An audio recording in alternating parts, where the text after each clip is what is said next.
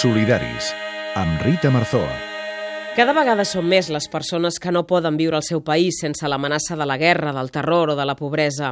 Avui ens fixem amb la feina que fa Prodein. És una associació pro drets de la infància que actua a Melilla i el seu creador és en José Palazón. El reportatge és de l'Ester Garriga. L'utopia de les no fronteres. Melilla és una ciutat autònoma espanyola situada al nord de l'Àfrica, a la vora del Mediterrani, al cap Tres Forques. Té una superfície de 12 quilòmetres i mig i la xifra oficial de població és de 84.509 habitants de diferents creences, cristians, musulmans, jueus i hindús.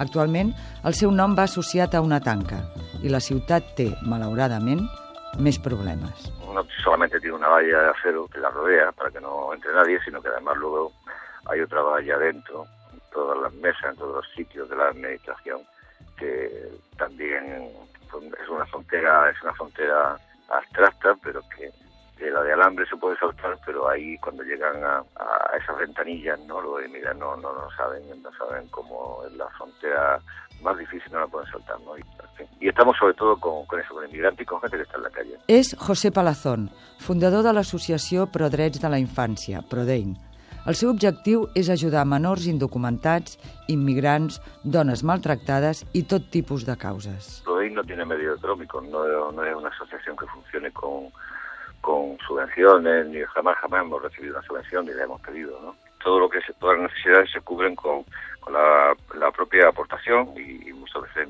más que en dinero, en trabajo de los propios socios. Los propios socios los que eh, hacen los, pues, todos los trámites frente a la administración, o abogados los que hacen las denuncias, o médicos los que asisten gratuitamente a la gente que lo necesite, o en fin, todo se va haciendo un poco así.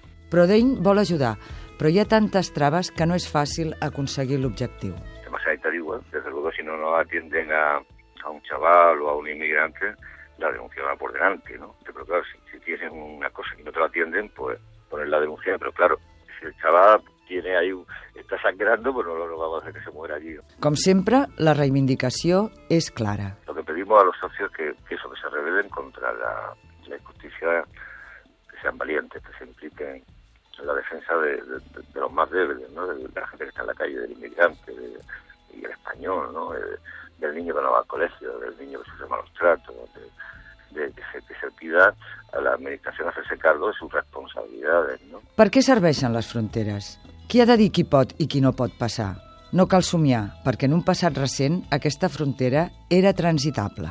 Soñar con que no haya fronteras no era una realidad, no era un sueño, y las cosas funcionaban bien. Y ahora que han levantado esa muralla, cuando uno dice, hombre, estábamos mejor sin la muralla, dicen, no, eso es un sueño, un sueño que no, no, que usted, eso no ha sido una realidad hasta que llegaron ustedes levantaron la muralla y fue la mejor realidad que he vivido. O sea, no, no había problema de esto. Cal no perdre l'esperança, perquè el somni és possible. Los sueños y la utopía se pueden convertir en realidad. Ahí tenemos el muro de Berlín y tantos muros que han caído, ¿no? Y que han desaparecido tantos problemas, mientras que cada vez que se levantan muros aparecen 10.000 problemas nuevos, ¿no?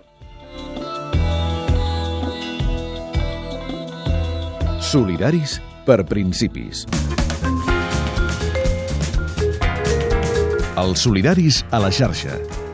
Seguiu-nos a facebook.com barra solidaris, al twitter arroba solidaris guió baix CR i al web catradio.cat barra solidaris.